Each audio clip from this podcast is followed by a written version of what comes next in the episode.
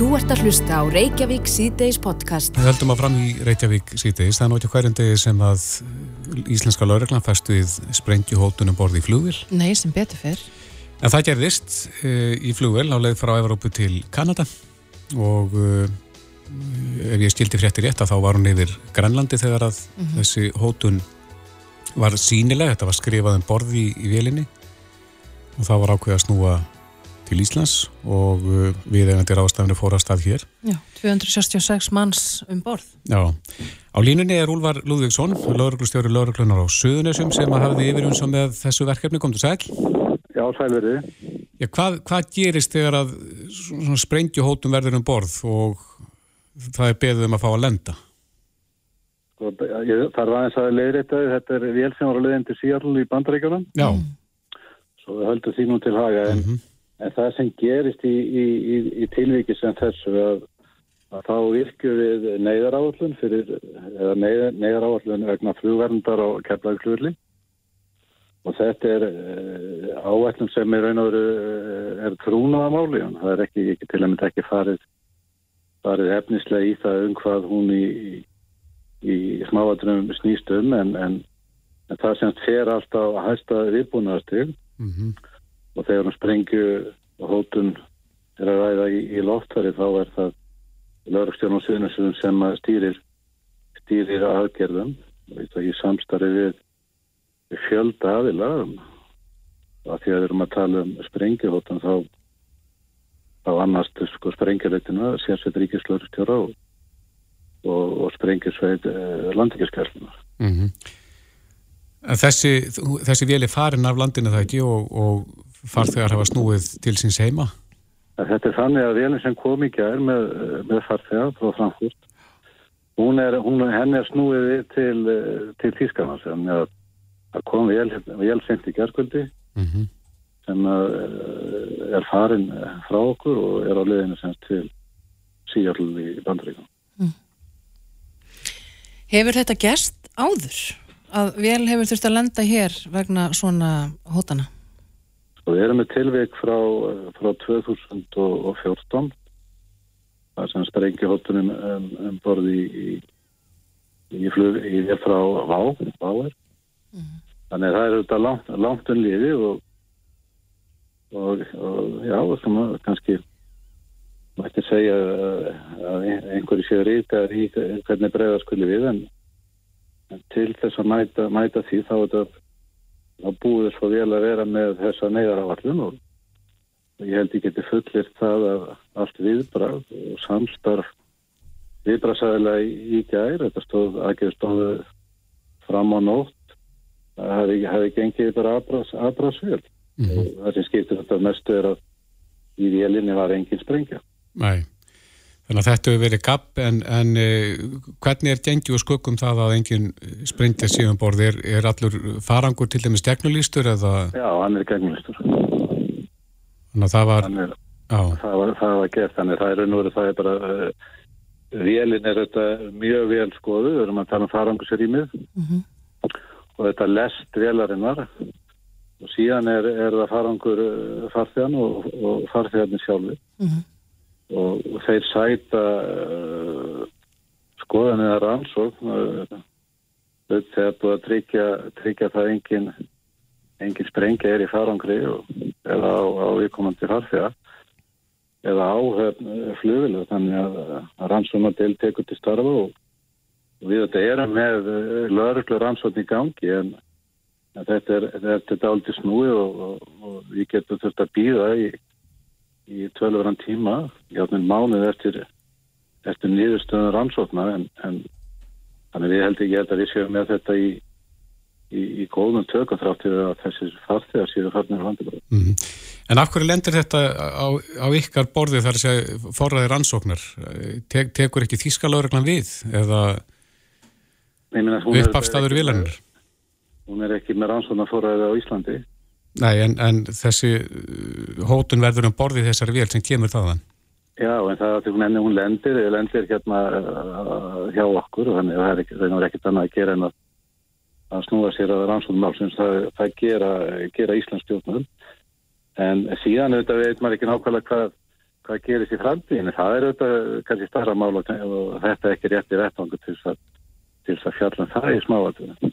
Nei, en er vita hvaðan þessi hótun barst? Nei, hún er, hún er, hún er, hún er til um, um borðið velinni. Já. Við veitum ekki hver, hver það gerði en hann hefur verðsynlega verið um borðið þessari vel. Hvernig, það lítur að vera snúið ef þetta komast að því hver hafi skrifað þetta þarna á, samkvæmt heimildum að skrifað á speil? Þetta er þetta, þetta, þetta snúið og, og, og mikilvægt að vanda til, til rannsókna. Við, við, ég held að við hefum gert það og við bara sjá hvað kemur út úr þeirri vinnu. Já. Hvernig mm. farþegarnir þeirra var vantalega verið slegnir, var ekki bóðið upp á áfallahjálp? Bóðið upp á áfallahjálp í, í flugstöðni, ég menna þetta samkvæmt mínum uppsengi, ég var nú svo sem með yfir sín yfir, yfir vettvang og ég, meni, ég held að þetta hafi gengið mjög vel og, og, og flugfar þegar bara síndu mikla stillingu og síndu þessu verkefni okkar mikinn skilning mm -hmm. þetta er þetta eh, flókið og, og vandarsamt og erfitt fyrir, fyrir alla lendi í, í, í þessum aðstöðum það er nokkuð ljóst Er eitthvað meira sem þið getur gert? Nú er vélinn farin og farþegarnir líka? Við erum bara að vinna, við erum bara í okkar, okkar vinnu. Já, að vinna, vinna, úr, vinna úr, úr ásvöndagögnum. Já, náðu þið yfirherra alla farþegarna í? Það er, já, það er semst, já, yfirherrum alla, alla þá sem við borðið í velinu voru. Og einhver sem að liggur undir grunn? Það er ekki hægt að staðfesta það, það er svo stöttu. Nei, en engin viðurkent að hafa skrifað þetta? Það er, nei. Nei. Nei.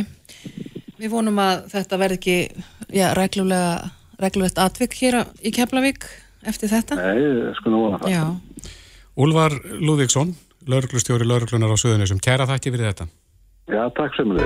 Þú ert að hlusta á Reykjavík C-Days podcast. Ísland er falleg land mm -hmm. og við getum verið stolt af því og flest allir sem koma hinga, koma hinga til þess að upplifa ósnortna náttúru. Já. En það er þetta með vörumerkið og markasetninguna Já. sem að ferða aðelum finnst ekki vera gert rétt. Nei, það segir þetta frétt í fréttablaðinu. Þar er, er endar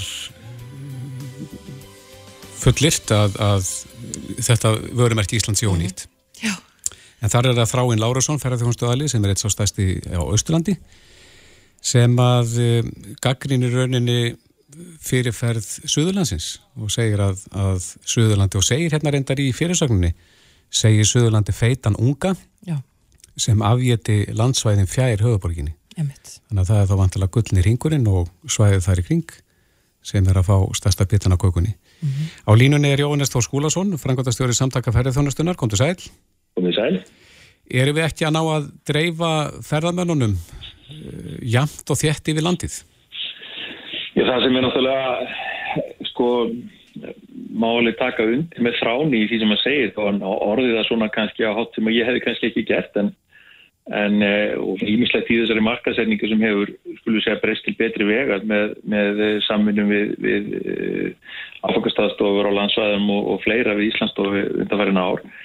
Eh, en það er alveg rétt sem er kannski kjarnin og grunnurinn í því sem hann er að benda á og, og það er að e, ástíða sveiflan á svæðum fjarrri höfuborgarsvæðinu er ennþá svo mikil að, að núna til dæmis þegar við sjáum að eftirspurnin er að taka verulega við sér og við erum að horfa fram á að, að það verði e, aukið flugin á eilstaðaflugöld og akkuriraflugöld á næsta ári að þá þarf tölvert, það er augljóstarf á, á fjárfestingu og uppbyggingu í, í til dæmis á gistrými og öðrum ferðarþjónustu innviðum á þessum svæðum.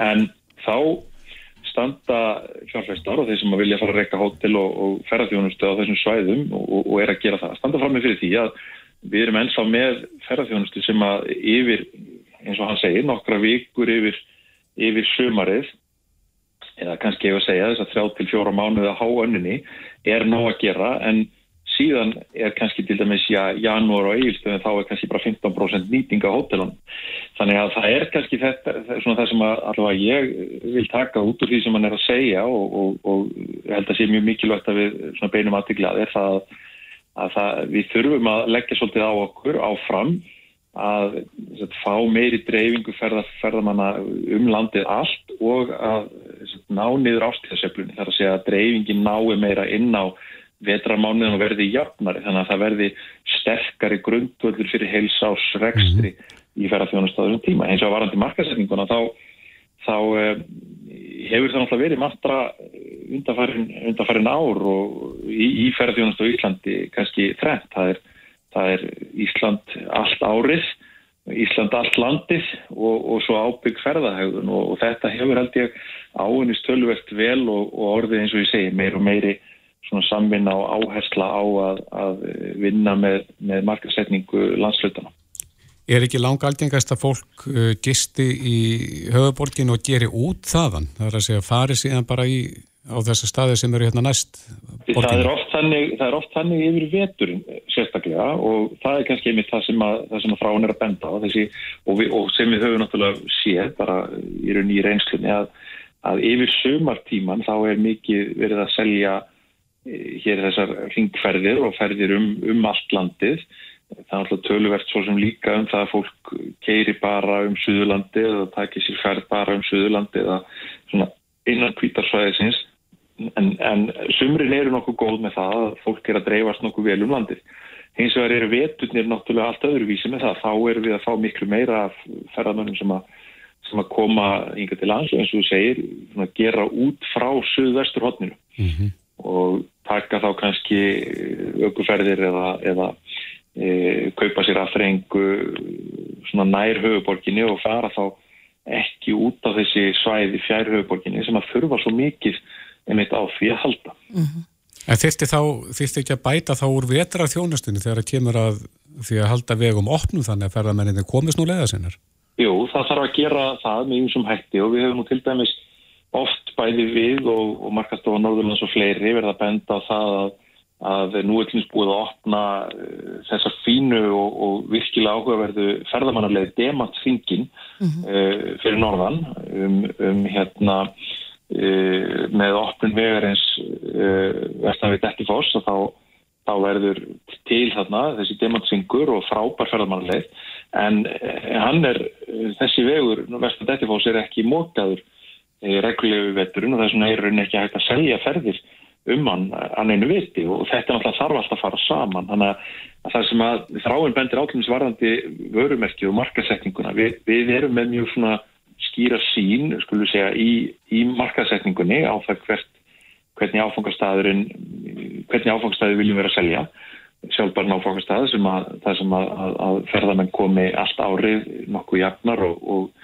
og, og svo framvegis, en hins vegar þá náttúrulega er svo margir undirleikjandi þættir sem að tengjast í síðan hvernig við getum unni með þetta, þetta vöruverki og hvort að við eigum að hvaða staði við eigum markasetja hvernig samvinna fyrirtækjana og, og Íslandsstofu sem heldur utan um þessa ælendu markasetningu hvernig hún er, hvaða staði við erum að leggja á að slá og svo framvegs og, og að því að Suðurlandi er nefnt í þessu samhengi þá að er það náttúrulega líka þannig að, að þegar við hugsaum já, förum til Fraklands þá dettur okkur ósjálfrátt í hug FL-turnin og París ekki satt mm. og það er svolítið eins með Ísland og og, og gullnarringin.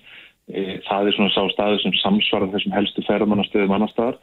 En hins vegar hefur náttúrulega Ísland svo gríðarlega margt annað að bjóða og, og það, það er mjög mikilvægt að, að markasetningin líka þá gangi svolítið meira út á þá segla til þess að við getum sínt ferðamörunum að, að hér er hægt að fá frábæra náttúru og ævindir upplifun út um allt land en en síðan þegar það kemur að vetrinum og þá náttúrulega er ymsar áskorinn þar sem við þurfum síðan að vinna með líka hérna heima. Já, en getur það ekki verið líka því að eh, hinn dæmi gerði ellendi ferðamæður, hann kemur hinga til lands og stoppa kannski svona í fjóra daga stittir í tíma að þetta sé bundi við Suðurland eins og er það sem að stittir í vegalendir já, fólk er að fara stittir í vegalendir heldur en heldur að vera erfitt að breyta þessu? Sko, það er áskorun að breyta þessu en við sjáum það núna að það er hægt og við höfum í rauninni fengið bara mjög áfrifandar sönnunnes að þetta er bara vel hægt mm. og í rauninni hefur náðust mikil árangur í þessu til þess að árunum 2011 til 2019 e, fyrir faraldur þá voru við orðin það land á Norðurlöndum sem að, þess áfangast á Norðurlöndum sem að það sem að dreifingin e, yfir, landi, yfir árið var orðin e, hvað best svona, e, út frá höfuborgunum en, en það fyrir ekki að það hafi allt verið orðið frábært, það er mikið starf en óunnið í þessu en við sjáum það núna að í rauninni meðal bæði árun í fyrra og svo, og svo núna að meðal dvalar lengt ferðamanna til dæmis er að aukast. Við sáum það líka á, á bandarískum ferðamannum í fyrra að meðal dvalartími fyrra eh, var að fara í mitt úr þessum fjórum, fimm nóttum upp í 6-8 nætur. Eh, og Uh, við erum að sjá uh, dvalartíma hjá okkar helstu mörgum eins og þjóðverum aukast mjög mikið núna, ég vil þjóðveri að fara úr tveim vikum upp í þrjár. uh, þetta helst mögulega í, í, í hendur við, við hugsun í Európu og okkar mörgum um, um loftlasmál og færri ferðir frekar og lengri. Þannig að, að það er ímislegt svona sem við sjáum að við erum að ná árangri í og, og þá núna höfum við það áskorum framöndan að halda í þessa þróun og auka þá frekar lengdina. Vegna þess að það sem við sjáum með þessu er það að með einmitt, eins og þú segir, lengri tvala lengt, þá fara ferðamenninir víðar um landið, lengra út frá höfuborginni, e, meira yfir á austur og, norðurland og norðausturhóttnir og dvelja það lengur, fara í jæðreingu þar og, og svo framverður og skilja þá eftir sér meiri verðmætti og búa til á þennan grunn. Og síðan er náttúrulega núna markastarfið e, hjá áfangastæðastofunum til dæmis á, á Östurlandi og, og Norðurlandi að skila því að, að físka fljóðfélagi Kondor og, og hollenska og hollensk fljóðfélag sem er að fljúin á, á, á Akureyri e, og, og Kondor ætlar að fljúa á Akureyri og Eilstæði er að skila því að við erum að fá ferðarskristóður og fljóðfélög sem að hafa áhuga á því að koma bara beint með farfega inn á þetta svæði í staðis að fara í gegnum Keflavík og það opnar þá líka náttúrulega mikla möguleika í markasetningu sérstaklega í kringum það á þessum, þessum slóðum og, -hmm. og þá skiptir máli að, að við séum með þá innviðina til þess að taka á móti þessu fólki og að, að reyna þá að, að og, og til þess að það sé hægt að þá er akkurat þetta sem þráin var að benda á um, í þessu viðtali þá þurfum við að hafa grundvöld fyrir uh, því með heilsásferðan sko þar að segja jafna út þessa, þessa um, ástíðaskiptingu en sá meira en orðir. En tekur undir með þráni að, að það fari allt og mikið af markasfjönu en ofinbera í að kynna Reykjavík og nákvæmni? Nei, ég tek nú ekki beinleins undir með þráni með það. Ég held að sko markastarf fyrir vörumerkið Ísland sem áfangastæði samkeppni við alþjóðlega eh, alþjóðlega samkeppni við aðra áfangastæði eins og Skotland, Norreg, Nýjasáland og fleiri ég held að sé, það sé bara í góðum höndum hjá Íslandsstofu og okkur vantar hins vegar í rauninni miklu meira fjö. E, við erum eftirbátar þessara staða sem við erum að keppa við í markaðsfjö. E, Norrjóður og Finnland til dæmis eittu e, á síðustu árunum fyrir faraldur undanbyrj miljardi íslenska króna per 2 miljónir ferðamanna sem þeir voru að sækja í markaðsetningu og á meðan að við vorum að eigða einstæðar á bylunu 3-400 miljónum og þetta höfum við verið að benda á tölvöld lengi vegna þess að þetta snýst ekki bara um það að við getum verið að byrsta auglýsingar. Þetta snýst líka um það einmitt að þurfu ekki að takmarka okkur uh, við einhverja ákveðna staði eða ákveðna markaði. Að geta það eins og víðar út á markaðin geta gert líka nákvæmar í markaðsgreiningar horta á það markhópa sem við viljum, skoðað betur hvaða og auki þá fér sem við getum notað til markasetningar ákveðina landsvæða. Eh, en á meðan að markasfér eh, sem Íslandsdóða hefur yfir að ráða er mjög takmarkað eh, þá náttúrulega þarf að horfa á þessar svona bara heildar brandmarkasetningu mjög mikið og, og ég er þeirra skoðunar og, og, og del að það hafi verið nokkuð vel gert á Íslandsdóðu Eh, mjög margt varandi þessa brandmarkasetningu þó að við mhm. viljum náttúrulega auðvitað held ég öll í þessum bransa sjá eh, meiri og geta lagt meiri áherslu á þróað áfram þá vinnu sem Íslands og áfangastæðstofunar hafa verið að, að vinna að með formgerðu samstarfi núna á síðast ári Einmitt. um markasetningu á landslutunum sérstaklega hverjum fyrir sig. Já. Jóhann Stór Skúlason, frangotastjóri samtaka ferðarþjónustunar. Kæra þakki fyrir þetta. Þetta er Reykjavík C-Days podcast. Svo gamlir á Íslandi Nei. og uh, ekki komið mikil reynsla á hvað verður þegar að þeir eru ekki nýtti lengur. Nei, akkurat. En e, það verða slís og sumi bílar e, verða það eitthvað tjónaður að, að þeir enda bara á partasölum En spurningin er hvað verður um raflöðunar mm -hmm. sem að koma þessum aukotækjum. Við fréttum að því að það væri upp í hugmyndir um að nýta þær Já. og þá jafnvel í sumarhús eða slikt. Á línunni er Sæþór Ástíðsson, frangværtastur í Æsvind sem að reynda framleiðir vindmilu líka og við heyrim í honum hérna um daginn en kom til Sæl, Sæþór? Sælverði. Já, þið eruð að nýta rafbíla raflöður sem er ekki nýttar í aukotæki lengur, er það ekki?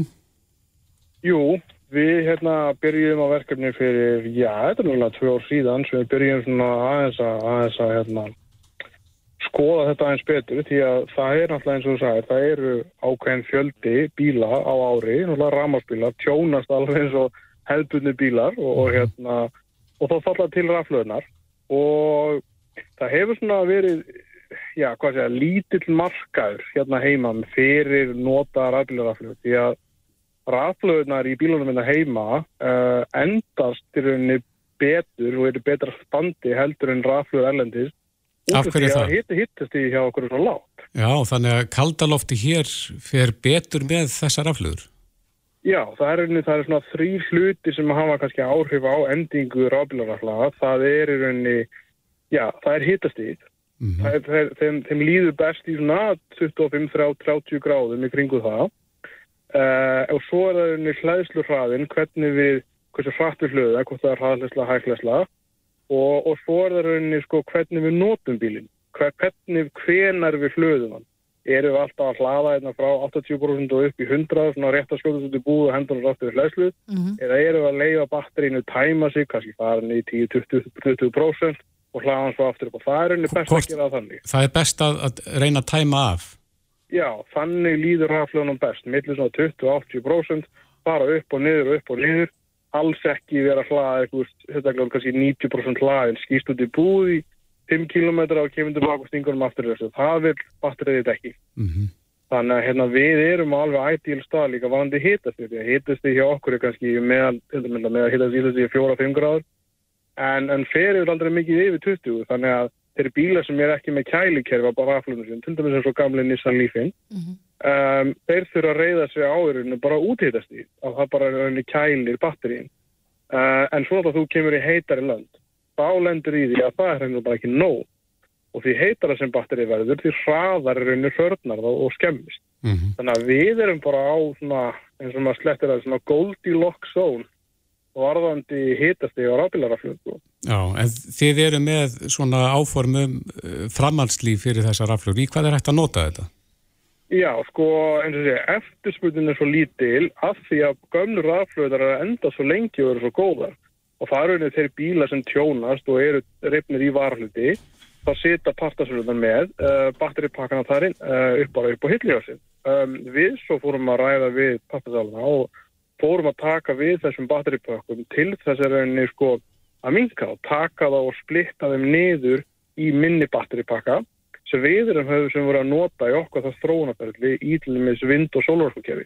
Mm -hmm. Þannig að í staðan fyrir að við fórum að kaupa ykkur ekki afgjema þá fengum þessar afgjema, tókuð það í sundur, byggum til minni batteripakka og við náttúrulega fórum eftir öllum öryggisreglum frá framleiðendum og allt svo leiðis, maður þarf að maður þarf að setja þetta rétt upp sko, maður þarf að há, há, háspennu hérna, verkværi og háspennu búnað hérna, fött og svoleiður, hanskar og fleira. Þannig að maður, þetta er allt tekið í er kunstarnarreglum og hérna á verunni plani hjá okkur er að koma þessi þannig form að setja með þegar við erum búin með okkur þróunum og prófunum að geta kannski farið að bjóða upp á batteripakka, til dæmis fyrir svömmarhús sem eru annarkoð tengdramagnu eða ekki, þetta landstættinu og, og hérna til þess að, hluta, að taka við orku til dæmis frá sól og vindi til þess að geta svo að hluta til eða öllu, öllu leiti knúið í rauninu bústæðin. Ef við tökum bara, segjum rafluð úr Nissan Leaf, rafbíl, getur hún dögað til þess að, að sjá fyrir rafmagni bara í, í heilt sömarhús? Já, sko, uh, Nissan Leaf pakki, gamle Nissan Leaf er með 24 kg batteripakka sá batteripakki myndi sem að duga í svona tvö sumarhús, þetta er ekki svona cirka 12 kW stundir í hvort hús. Mm -hmm. uh, 12 kW pakki getur raunin til þess að þú ert að nota orkuna í að hita upp, með varmadælu eða eitthvað, og getur raunin pakkin, bara standalón pakkin, kannski dugað í nokkra daga án þess að fá hennar orku inn. Þannig að þú getur raunin bara keift á batteripakkar um nokkur daga en þú verður alltaf að hlaða þannig að þú hliður hann með vindu og sól eða hvernig þú gerir það Mm -hmm. og hérna þannig að þetta snýstur nú bara um hversu marga daga vilt þú hafa í backup það- ef, það, er, er myrkur og lokn hjá þér Einmitt. En með eh, reglulegri hleðslu inn á þessi, þessar raflugur væri það hægt að knýja allt í bústanum, þar að segja eldavél og, og sjónvarp og, og slíkt. Já, já, þú getur henni keift hvað sem er því að batterín sellunar sjálf sem eru fyrir þessa bíla þar ætlar eru geðar fyrir til byrjulega hraða hlæðslu og afhlæðslu. Þannig að þú getur keift í rauninni öflur og starri tæki en alltaf því lengur sem þú keirir því meiri orkunótaru þannig að það alltaf e, tæmir batteripangan hratt en þau ráða mjög vel við starri tæki þannig að þess að þú smíða hjólsæðir eitthvað svoleiðis það er, ekkit, e, það er minna vandamál ef þú þess með hefðbunari glísir í geima eða gelgeima eða og svo framvegis. Mm En serðu fyrir að, að þetta verði nýtt í slíkun tilfellum í auknu mæli í framtíðinni? Sko, þetta er náttúrulega, þetta er alveg að springa út er, ellendis, bæði í bandaríkunum og Európu og fleiri stöðum. Það er virkilega mikið að gera í þessu. Uh, hérna heima kannski aðeins minna því að við erum svo heppin að vera með tildulega stöðut landsnet sem kannski sjaldan slær út allan hérna á höfubókarsvæðinu. Mm Þannig að, þannig að veist, þörfin fyrir þetta kannski á höfubókarsvæðinu er ekki mikil þess vegna hefur við kannski verið svolítið að, að horfa frekar til svona, svona minni kerfa eins og bústaða og fleira sem kannski er ekkit alltaf með aðgengja netinu en, en stundum og, og þegar þeir eru með það þá kannski kostar það tilfelluvert meira heldur en í, hérna, í þjæppili. Þannig að það er þetta kannski komið meira inn í spartna og fleira þannig að ég held að markaðan hérna á Íslandi sé nú aðalega fyrir sumabústaði og kannski svona, svona einstaka svona rammaksnörd sem vil vera með batteripakka heimja á sér. Já, þannig að þetta er, þetta er möguleiki. já, já, algjörlega og þetta er það sem koma skal. Þetta bara hérna, því að ég get alveg sagt að það er ekki einasti batteripakki úr rammaksbílum sem fyrir í landfylling á Íslandi. Þetta er, þetta er allt og mikil verma til þess að fara að henda. Þetta fyrir allt í nótkunn. Já, og hvað endir svona raflaða lengi? Já, ég, eins og til dæmis með Nissan Leafin, gamla, þetta er alltaf fyrsti ramaspili sem kom á markað, fannilega sér, svona brautriðandi, er þetta í fjöldaframlæslu og batteripakkatum þú sér það, uh, elstu bílarnir í dag eru hvað, þeir eru að detta í 10-11 ári. Og uh, þeir eru í flestum tilfellum bara í mjög góðu standi, þetta var að tala um kannski Já, verstu pakkarnir sem ég sé eru kannski 75% sem sagt, uh, hérna, sem state of health kallar þetta en mjög algengt þegar ég er að lesa á þeim eru svona milli 85-90 og það er alveg einstæmi það hérna þeir eru að nota batteripakka í svona stationary dót elendi sem er alveg í 65 Mm þannig að við erum að fá mjög góð batteri inn til okkar. Þannig að ég held að sé ekkert til fyrirstöðlis að þau endist í jafnvel tíu viðbót. Bara með hérna góðu battery management systemi svo sé vera að hlaða rétt og svo framvegis. Mm Þeir sumarúsægjandu sem er núna að hlusta á eru áhuga samir og vilja kynna sér þetta nánar. Hvert geta þið leitað?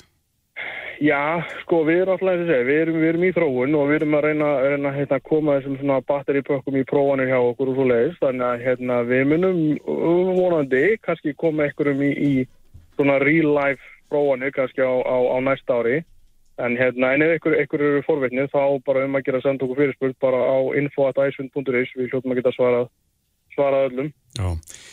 Sæþór Ástjesson, frangandastjóri Icewind, kæra þakki fyrir spjallið. Gangi ykkur vel. Takk fyrir mig, takk, bye bye. Við fylgjum þér heim. Reykjavík síðdeis á bylgjunni. Þetta er Reykjavík C-Days podcast. Og sé að taka sér bólfestu hér á Íslandi.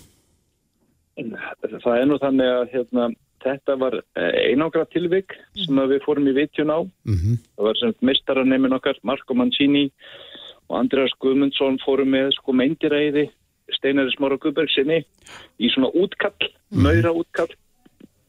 Og hérna þannig að við gætum staðfest sko að þetta á þessum stað, það var klárlega mjög stæðileg stæðilegt maurabú, það voru tvær drotningar, tveimur stöðum.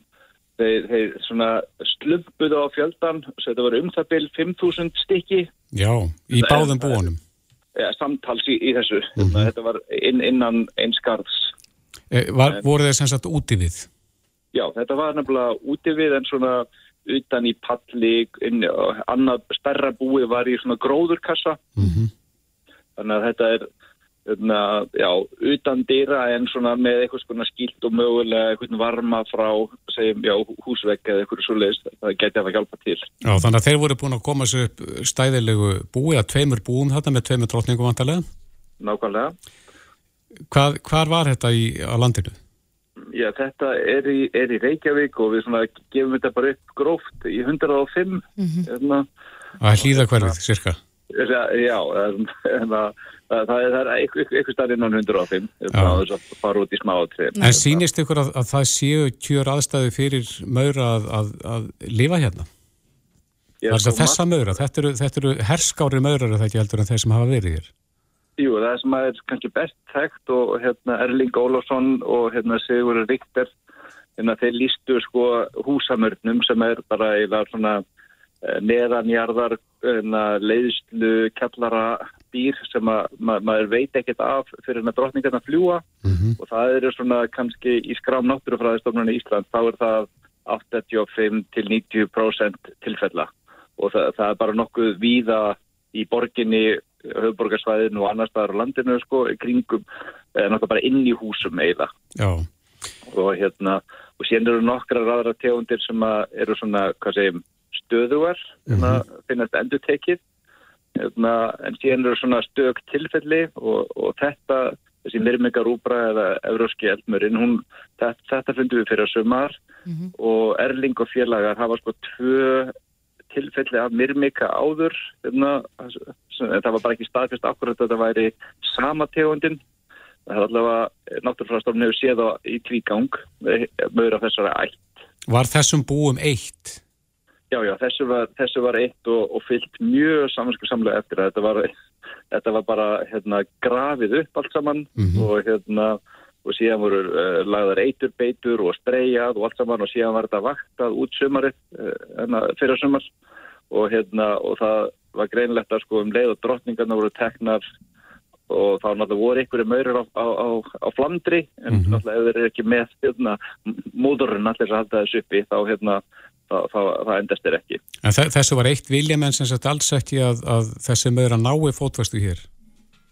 Nei, ég held að er sko þessi maur er svona með að við hýna sko, svona fyrir maður að spurningu sem þú varst með mm -hmm. þeir eru svona ílskettar því leiti að þeir, þeir naga fólk og, og, og það er sviði og það er svona getur verið þreita í, í sárunum en alltaf landin er leiður á lúsmíinu en mm -hmm. það verður ekkert, ekkert gaman að hafa ykkur, ykkur að maura að lappi blappinar á sér og hérna naga sig Af hverju nagaðir mann? Er, er það ykkur, ykkur varnar viðbröð eða Já, já, þetta er náttúrulega, þetta er, eh, þeir eru, flesti maurar eru sko að pikka upp annars skortýr og, og ég taða auk, en þeir náttúrulega eru bara svona býta í hitt og þetta, mm.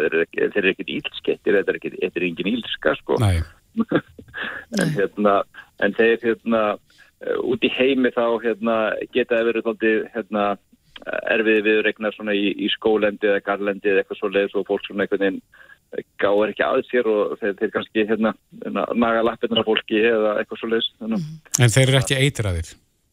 Þeir eru ekki eitraðir, nei ég held að það sé, en góðu fréttnar í þessu þeir eru ekki eitraðir þetta er eitt tilfelli, búinu var eitt náttúrulega við myndum mjög gert að vilja vita ef aðrir sjá mm -hmm. möra utan dýra og náttúrulega sérstaklega ef einhver fær mögur á hendina sem býtur hann gerlendis og, og, og við komum til svíður og eftir þannig að það veri gott að fá upplýsingar um slíkt því að við höfum alveg áhugaði að hérna, bara fylgja þessu eftir Einmitt. og sannarlega na, flestir myndi vilja eigða eldmörabúi held ég að það byttist í karðanum hjá þeim, hérna, við lengið hafa svo leiðis. En þú segir þessi maurar, þeir eru, já, þeir eru í Evrópu, maður getur fundið á, á meilandi Evrópu, hvað eru þeir aðalega inni eða eru þau úti? Því þú saðir aðan að þeir hafi fundist úti hérna? Já, já, já, já. þeir eru nefnilega, í náttúrulegum heimkjumunni eru þeir bara sagt, úti í skólendi eða græslendi eða eitthvað slíku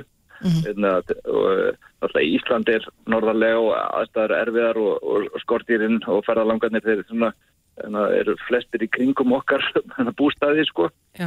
Minna það er annar maur, hérna, blökkumaurin, hann hefur fundist líka í, í, í görðum en það var það einmitt bara við nálat húsum eða við grunna eða eitthvað svona gardhús eða eitthvað slíkt hann býtur ekki en, en eldmörun er, er kvimleður út, út af þessu, þessu nagaríi mm -hmm. Akkurat. En uh, hvað myndið áallt að þetta búið þarna hafi verið gamalt? Hafði það lifað að vetur eða? Já, það, það hafði lifað vetur sko, hérna, húsegandi, hann hérna sagði að þetta hefði hérna, svo 2-3 sömur giskaðan á, að hann séð ykkur að meira á áraldi hérna. Mm -hmm. Má búast við því að, að, að möðradreifi dreift sér úr þessu búi? Sko það... Yfir í næsta nákvæmni? Það er möguleiki sko, að því að hérna þeir eru hérna Eh, náttúrulega það voru komið mjög margir maurar í búið mm -hmm. og uh, það voru hérna, uh, við tókum inn á tilhjónastofu sko púpur og út af þeim klöktust mest, mest þernur en einnig hérna, karlmaurar þannig að það er alveg, alveg möguleiki að búið hafi geta fjölka sér en hérna, hérna það er ekki byrjins að við búist við ykkur á holskeflu en hérna ef það er ykkur í 105 eða bara á höfuborgarsvæðinu sem að hérna hafa uh, séð svona maura eða orðið fyrir bitið eða eitthvað slíkt þá endilega hafa sambandið maurar at hi.is hérna, vefsíðan okkar er þar og sér er líka á Instagram svo ég sé að auðvisa okkur aðeins. Já, um að gera. Endilega. En þeir eru rauðir, hvað eru þeir stórir? Þeir eru nú ekki mjög stórir, þeir eru svona svona uh, kannski nokkri millimetrar hérna. mennum að sér, sér þetta enna sér það á vel sko, svona sérstaklega á móti svona, ljósam bakgrunni. Já, er þið ekki rauðir? Já, svona rauðir leitir. Hérna. Menna flestir maurar sem að kannast verðlendis eru svona svartir. Hérna. Já, svona brúngráir, já. Já, já. Svona karamellaðir, svolítið. Já, það er smá svona allavega glansa á þeim. Svona, það er eitthvað svona þeir eru alltaf hver með sína brinjuna og það er svona bara litarefni í þessu það, hérna, hérna. En, en fóruð þið í vettvangsferð eftir þetta, þetta var segur í síðasta sumarðæki sem að þessum búum var eitt Jú, jú. Hafið þið farið og tíkt á svæðið eitthvað síðan? Já, við fórum mjög reglulega í fyrir sumar og síðan var næst tekkað bara í ár en hérna það, það, við, við fylgdust með hverfa síðasta sumar og síðan hefur bara ekkert fundist eftir september í, í mm -hmm. 2021 Einmitt. Erum einhverja tegundi sem við viljum alls ekki fá hingað? Eh, það eru náttúrulega þess, sko, þessi maur er, er til vandraða sko, erlendir af því að hann, hérna, hann verður ágengur hérna, þegar hann fer til eiga eða eitthvað slíkt en ég held að sko landslægi okkar sé þannig að, að lofslægi okkar er þannig að þetta er ekki, er ekki kjöraðstæður mm. þannig að hérna þessi er ekki góður og sé náttúrulega aðrir svona svakalega mörður sem við myndum ekki vilja en þeir eru meira svona hittibeltis eða temperabeltis mörður sem að ég held að ég ekki séns sem betur verið. Eru það mörður sem ráðast á fólk? Já, já, það eru svona einhverju sem eru aðeins ílgettari hafa getað drefið hérna, fuggslunga og ímislegt sko. Mm. Hérna. En þetta eru skemmtileg dýr, það er gaman að fylgjast með þeim vinna? Já, maurar eru náttúrulega alveg dásamlegir sko, hérna, menna það er alveg hérna, sérstaklega erlendist þar sem fólk er með maurabú í kassa og matur á, á eðarkingu og ávöxtum og eitthvað svona sko. Og fylgist bara með þeim sko. Þetta er miklu skemmtilega en kettir, getur sagt ykkur. Erst þú með svona heima í búri? Uh, ég, ég veit um fólk sem er, enna, heldur svona bú, ég hef ekki segið bara þannig. Hérna, en, en, en mér er vöka að vera blóm sko. Já, ekki fóður á maura. Nei. Nei. En það er gaman að fylgjast með mörunum, þeir eru já, skemmtilegri heldur í marga sjónvastaskrár. Og, og yðinir. Já, já, akkurat, akkurat. Arnar Pálsson, professor í lífræði, kæra þætti fyrir að láta okkur vita þess og við náttúrulega hvetjum fólk til þess að, að fylgjast með sínu nákvæmni og kannski sérstaklega þarna í 105. Og fara inn á síðuna sem að nefndi á það. Já. Já. Mauraratthái.is, var það ekki slóðinn? Nákvæmlega. Mm -hmm. Kæra þætti fyrir spjallin. Reykjavík síðdeis á Bilginni podcast. Á línunni er formaður þjóðatíðar nefndar, hörður Orri Grettisson, sæl. Já, góðan daginn. Hvernig gengur hjá ykkur eigamennum að undirbúa komuð þessara þúsunda? Herðu, það bara gengur vel, mú bara mjög vel með þess að. Bara dalurinn er að taka sér mynd og hérna, það er bara verið að setja upp hátíðasvæðið og það er bara verið að klárt og undirbúningur, eða hvítu tjöldin fara, súlunar fara niður á morgun og tjöldin á himtudagin, þannig að þetta er bara allt að gerast. Mm. Hvað eigið þið vona mörgum? Við eigum vona á fjölda fólki, þetta verður sambarilegt og þetta var fyrir COVID bara, samgöngur eru, eru takmarkandi þáttur og það er erfitt að koma fleira fólki en var að koma þetta fyrir COVID og við bara búist við í stóri hátis. Erum við að búast við 14-15 þúsund? Já, þetta verði ekki eitthvað stað þar. En er, er fólk með miða sem átti á fyrri hátíðar eða? Já, ykkur er, ykkur er þess að fluttu sem að keiptu sem miða bæði 2020 og 2021 fluttu miðan þessi og eiga þarlegandi miða í, í ár. Já, þa- þannig að það er eitthvað smá óvisa hversu margir kannski mæta í heldina. Nei, ég hugsa nú að þú, þú átt, þú veist, þú gast náttúrulega alltaf sótt um endugreðslu líka, þannig að ég reikna nú með að þeir sem að fluttu með sem sé að fara að mæta eða þá eru þá búin að losa með hann eða selja eða eitthvað slíkt, skilur við, það er búið að vera svona eitthvað um nafnabreitingar og annað en, en ég reikna nú með að, að, hérna, að menn nýti miðan sinn. Já, en er, verður þetta með hefbundin sniði?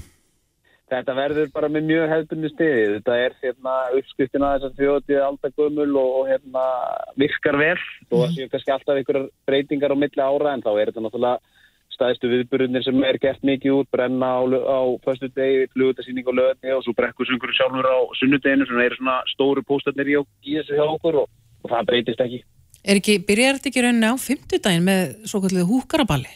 Jú, það er þess. Taland um það, þá sé ég hérna að það er sagt búið að búa til svona ákveðin link út frá smitten, stefnumótaforutinu, Mm sem að heitir bara einfallega þjóðháttíð. Þannig að þetta auðveldar einhleipum að að finna ástina. Já, Já, þetta er ekki sniðut. Vissur af þessu? Ég er ekki hugmynd. Nei, hérna, þetta er sagt komið á framfæri hér. Ég er, ekki, ég er ekki á þessum forritum, en, en hérna, það eru mörg ástasamböndu byrja á þjóðatíð, þannig að þetta er, þetta er bara nútíminn. Já, og, og mörg hjónaböndin orðið til vegna þjóðháttíðar. Algjörlega. En er búið að setja upp sviðið og eru hvíti tjöldin, eru þau að koma upp hjá okkur? Já, þau fara, sagt, sviðið er náttúrulega bara er standandi, það er bara mannvirki, þannig að núna er verið að setja upp hljóð, ljós og, og mynd og, og hérna gera bara allt klárt. Á morgun er svo tímatabla fyrir þær götur, núna er fólk sem har sótt um tjöld, það er náttúrulega gaman að geta þess að það hafa aldrei verið sótt um fleiri hvít tjöld, þannig að þetta verður að verða, þannig að hafa aldrei verið fleiri hvít tjöld en verða í ár og, og hérna núna er fólk sem sagt fekk í dag útlutað hvar það verður og mæti svo með súlurnar á morgun á fyrirframgerðum tíma og svo fer hvítataldið upp á 50 deginum og í framhaldinu fer fólk að flytja heimkynni sín hangað. Já, sófasettinn og borstofuborðin. Það er mitt. En um, já, ég, mér skilst að veðurspáin verður svona nokkuð breytileg en, en það mun nú verða ágætis hæglætis veður býst ég við. Og það Já, er ekki til að skemma hérna- fyrir. Nei, alls ekki og uh, eins og þú segir við, maður kíkir á viðspána kannski oftar en góðu gegnir en, en hún er mjög rokkandi en eins og staðan er núna lítur út bara fyrir, fyrir, fyrir frábært veður og það verður bara hérna, vonandi að það verður þannig. Mm Aðeins að ber undir því orð sem að vöktu miklu aðtekli fréttum í gær, Ástýr Guðmundsson, stjórnabæri sambandi Reykvískra skemmtistaða. Hann eh, skaut úr föstum skotum á, á eigjar og sagði að það væri aldrei skemmtilegra eh, nema þegar að fýblin eru farin til eigja. Já, dæma þessi orð sig ekki bara sjálf, ég tekur svo sjálfur sem hann, þetta sé nú bara missetna grín hjá og, og hérna trubla mikið neitt, en það er oft þannig að hérna, þjóðið er náttúrulega flagskipa sér að vestunarhelgi og það vilja margir hérna, skjóta á okkur og það er bara velkomið, við getum tekið því. Já. F- eh, Ertu til að fara aðeins yfir svona það helsta sem verður á bóði þarna hjá ykkur á sviðinu? Í helstu skemmtið kraftana. Já. Já, við erum náttúrulega með Klöru Eliasar á hérna fyrstu deginu sem frumflyttu þar þjóðatíðalæði sig Já. Og í framhaldinu kemur hérna svona rapsina, MC Gauti er hérna, sunnudeginum, neða lögadeginum erum við með Bubba Mortens, FM 95 Blö, Aldamóta tónleikana, Bríett og, og svo sunnudeginum erum við með einvala lið sem er með hérna undir tryggri stjórn Haldur Gunnars Fjallabróðist, þar eru hérna Raka Gísla, Jóhanna Guðrún, Klara, Sverri Bergmann, Herbert Guðmundsson og, og hérna ég er alveg pottið að gleyma ykkurjum Já, þetta er landsliðið. Og, og svo náttúrulega uh, Magnús Kjartan Ejjólfsson sér um, um brekkusöngin í ár sem að verður á sunnundaspöldinu. Já, en svo er þið, kannski rétt í lokið, svo er þið með þrjá mismjöndi passið það ekki?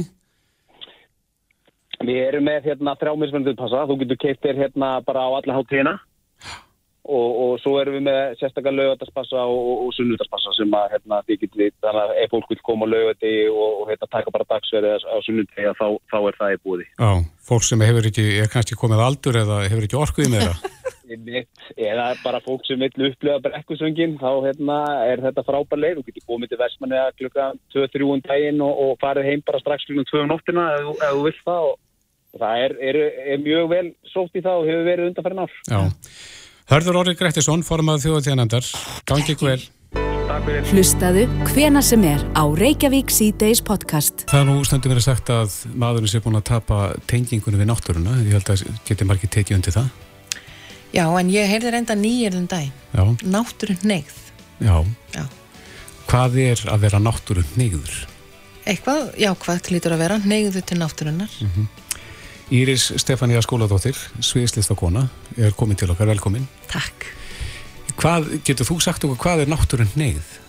Mér finnst það rosalega góð lýsing að vera neyður til náttúrunar af því að margir fara beint á einhvern svona ég veit ekki, svona suppulegan stað Já. þegar þeir eru orðið neyð Mhm. en náttúruneyð er í rauninni ekki skilgrind kynneið Mhm. heldur er svona aktivist og, og, og, og kannski svona performatíft um, konsept eða, eða hugtak eða hreyfing kannski frekar. Uh, þær voru hérna tvær og eru uh, Annie Springul og Beth uh, Stevens sem eru uh, hjón. Og þær uh, byrjuðu með þetta hérna, konsept sko. Mm. uh, fyrir einhverjum áratugum síðan.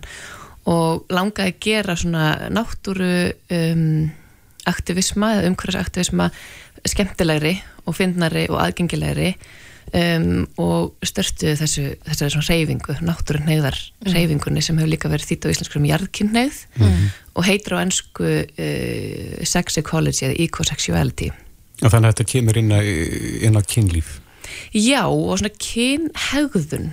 Og ég er reyndar að þeirra, þeirra skoðanar að við ættum kannski að endurhugsa aðeins hvað við, hvað, hvernig við skilgrurum kynlíf að því förum alltaf beint í einhverja aðtapnir um, uh, í staðan fyrir að sjá það kannski víðara samhengi, ég tala mikið um unað um, og langar að við svona innlegum meiri unað inn í líf okkar og getum gert það til dæmis með aðstóð náttúrunar Mm Hvernig þá? Já, til dæmis í þessari uh, síningu eða ferðalagi sem ég var með hérna um daginn að þá fórum við hérna við esjurætur og, og gengum upp á, upp á læk. Og svo bauð ég áhörundum að koma til mín í lækin þar sem ég var. Og um, fara úr skónum og sokkunum og ég gaf þeim svona nutt, ég var með svona leir og sand sem var bara í, hérna, í, í læknum. Nuttaði kálfana og fæturnar og svona um, gaf þeim svona hressandi hérna, uh, já, hressandi nutt sem að var líka upp úr köldum læk hann það var svona, svona sjokk fyrir líkamann en, en rosalega þægilegt á sama tíma. Og uh, þreif síðan af með, með hérna einhverju svona grasi sem var onni læknum. Um, og þetta vakt alveg svona miklar uh, tilfinningar hjá gestunum. Um, bæði náttúrulega bara þægilegt unnaður og, og gott og, og líka svona eitthvað öðruvísi. Um, og svo eru náttúrulega mörg stef í bæði bíómyndum og, og, og, og hérna textum þar sem við erum að nota náttúrunar rosalega mikið eins og bara svona kannski algengasta sem við sjáum einhverjum bíómyndum þar sem er verið að taka stráið og strjúka stráinu hérna yfir líkamann og þetta er eitthvað svona lítil element. Það er í rauninni að vera í nánu sambandi við náttúruna. Já, En tekur undir það eins og ég sagði þér áðan að við höfum svona verið að tapa tengingunni bara í gegnum áratugina. já, bara absolutt sko.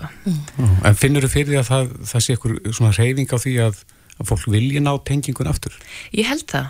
Um, og uh, eins og þessi síning mín hún er, hún er, hún er ekkert einstæmi uh, það er rosalega mikið af svona uh, hlutum að gera sérstaklega í, í listaheiminum og, og sviðslista.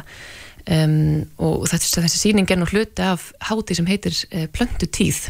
Mm. og uh, það eru bara engungu verk sem fjalla um tengsl okkar við plöntur og náttúruna.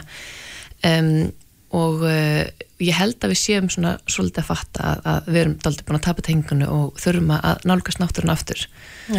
Um, af því að við náttúrulega fáum bara hérna kalda tusku í andlitið uh, út af hegðunum okkar á jörðinni. Uh, bara viðurfar og, og hlínunjarðar og allt þetta. Þannig að við þurfum kannski aðeins svona að fara að hlusta á, á, á þetta og, og hérna Það virðist vera að þetta hafi verið hérna á öldum áður þegar fólk var að velta sér upp nakin úr döginni og Mhm. annað sko. Já, Þannig að þetta er ekkit nýtt í rauninni. Við þurfum Alls bara ekki. greinilega að láta minna okkur á þetta. já, Og þú ert rauninni að því. já og þetta tengist líka inn í þetta er bæði svona konsept, svona universal konsept um, e, bara maðurinn, manneskjan í tengslu náttúruna en þetta er líka þú sem einstaklingur, þú sem manneskja um, að e, líka í amstur dagsins að tapa ekki leiknum inn í þér, fara inn í að leika sér um, að því að í, í þeirri stöð þar er allt, allt þetta leikurinn, sköpunin, kynorkan e, þar sem þú hleypur nakin og, og veltur upp dögginni eða, eða þú veist ok, þú ferir göngutúr og fjöruferðir en, en, en gerur eitthvað meira, ferð úr skónum og, og dýfur tánum hún í sjóin eða ertu að henda steinum út í vatnið eða veist, aðeins að svona virkja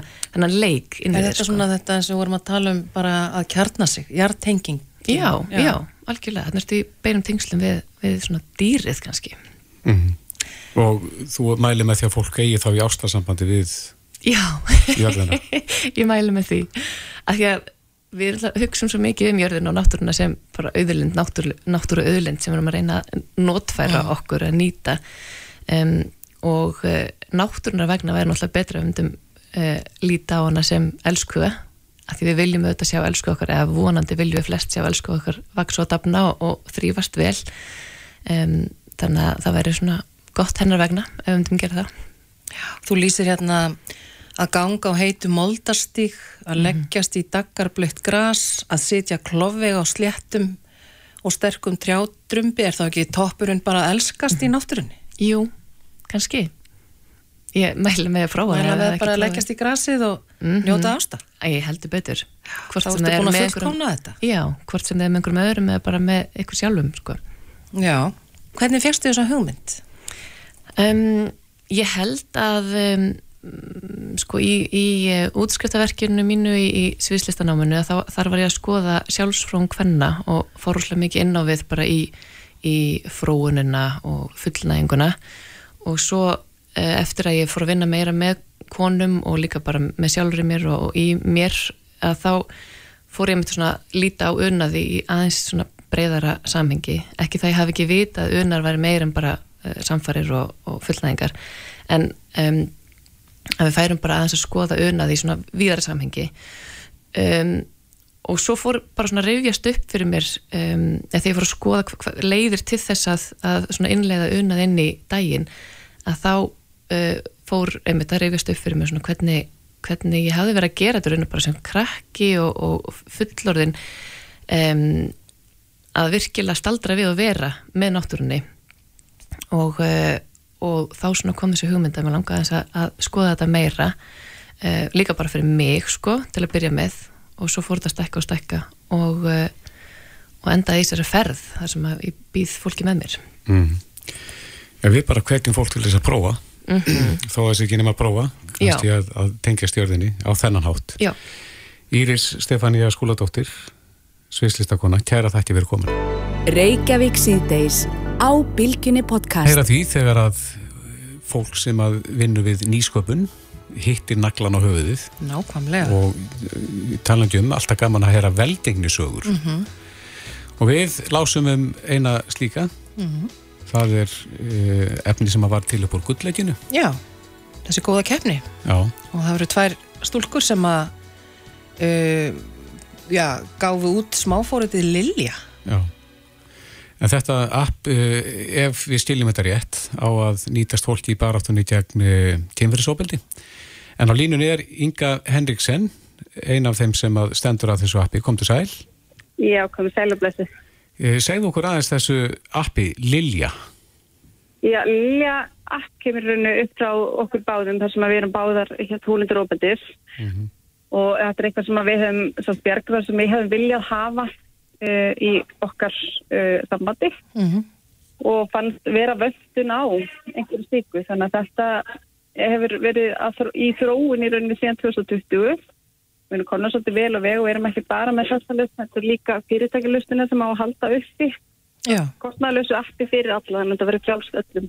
En segðu okkur aðeins út af hvað gengur appið, hvernig nýtir fólk þetta? Appi sjálf Lilja er í rauninni svo sérgjöður þetta er svona eins og þeir sem að kannast við bara eins og period tracker þar sem hefur verið að hægt að setja inn svona einkenni tíðarhingsins þar sem að óbændisringurinn er líka svona í svipuð dæmi. Þar setur maður inn bara uh, atvik eða líðan eða hvað sem er mynd eða hljóðfæll. Og, og þetta fyrir beitt inn í svona gagnagemslu sem er dulkóð og leiðinni og er því ekki hægt að eiga við mjög eiga út sem að kemur þá í vekk fyrir að hérna, það sé ekki hægt að nota þannig að það er hægt að nota þetta fyrir rétt ef það kemur til og bæti þannig lagalega stöðu líka. Þannig að þetta er þá efni sem er sett að inn sem er þá hugsalega að nota síðar í einhvers konar sagamáli eða, eða rannsókn. Já, en á sama tíma er þetta líka, feskæðum getur þetta er, falið app innan símans. Það hefur þann hefur líka að fela sig á bakvið önnur öll og ringir til neyðalínunar án þess að lýsa upp skjáin og það er hægt að velja svona fyrirfram ákveði orð eða hristing eða hvað sem er sem að vera til þess að bjargráðurinn férastað og ringir uh, til neyðalínunar. Þannig að síminn hlustar eftir konar svona öryggisorði Já, og, og ef að ofbeldi á sér stað á þeim tíma þetta orðið sagt, þá ringir appið í neðalínuna og kallar eftir hjálp í rauninni. Að kallar eftir haft, hérna, eftir hjálp og gefur upp GPS sem sagt, bara staðsetningar uh, ásand því að taka upp hljóð og mynd á sama tíma. Já, þetta gerist sjálfkrafa. Já, þetta gerir sjálfkrafa, þetta fyrir að stað uh, á sama tíma. Og neira verður sem að svarar fær þá ábendingu um að tala ekki til þess að bara halda öryggi tólandans á sama tíma. Og þess vegna er þetta bæði gott sem forvörd í kemfyrirsbrotum málum þegar slíka atvika í þess stað og einnig innan heimilsopetið staði fyrir börn og fullorna. Já. Við erum bara komin í rauninni, við erum búin að kynna þetta hér fyrir ríkistöfnina og, og, og fleira og höfum fengið rosa góður móttökur en höfum skort fjármagninga til. Og nú erum við bara í samskiptum við stort fyrirtæki í Tjekklandi sem að hefur uh, keift, eða vill kaupa hugmyndina og vill gera þetta væral og sömulegis erum við að fá núna bóð vísvegar að þannig að nú er bara að sjá hvert þetta leiðir okkur, þessi ferð okkar. Þannig að við vorum núna út í Prag, þannig að þetta er mjög áhugavert. En eh, rétt aðeins í lokin, af hverju þetta nafn Lilja? Hvaðan kemur það? Lilja er tekið upp eftir hann dóttur mína sem að var myndbjörgráður. Það sem að ég við tæplega vorum mjög heppina að komast lífs af og hefði ekki verið hana, þannig að Lilju mína, þá hefðu við ekki verið hér til að, að skapa þetta aftur að verið til staða til að segja frá. Þannig að okkur fannst þetta að vera fallegt, uh, fríðililja, vastlililja, einhvern veginn svona róandi Mm og yfirvega þannig að það var bara fyrir valinu. Já, en þú nefndir hérna áðan að það er hægt að fela þetta app í símanum vegna þess að sömi símar eru undir mjög ströngu eftirliti, ofbyttis Já, aðeins. þeir eru mörgum skrifum undan þannig að þannig er svolítið að hafa þetta já, það á að vera hægt að það vera hægt að fela það við tölum um þetta sem kamiljón, það er hægt að fela það bak við önnur öll og við vitum að nú þegar er þessi tækni til staðar að geta falið á bak við eins og Instagram með annað leiki eða svona secure folders þannig að þetta er til staðar Mm og semleis ef að einstaklingur finnur appið sjálf, þá er ekkert sem að hann sér þannig kemur þarna inn Nei. Á hvaða stíi heldur að það sé sem að uh, þá sérstaklega konur seti þetta fórið í símana? Hvar eru konur Við- á þeim tímapunkti? á þeim tímapunkti. Við viljum bara að þetta verði bara mandatóri að þetta verði það sem að flestar konur og setja upp síma sinn. Líka þegar allt leikur í lindi?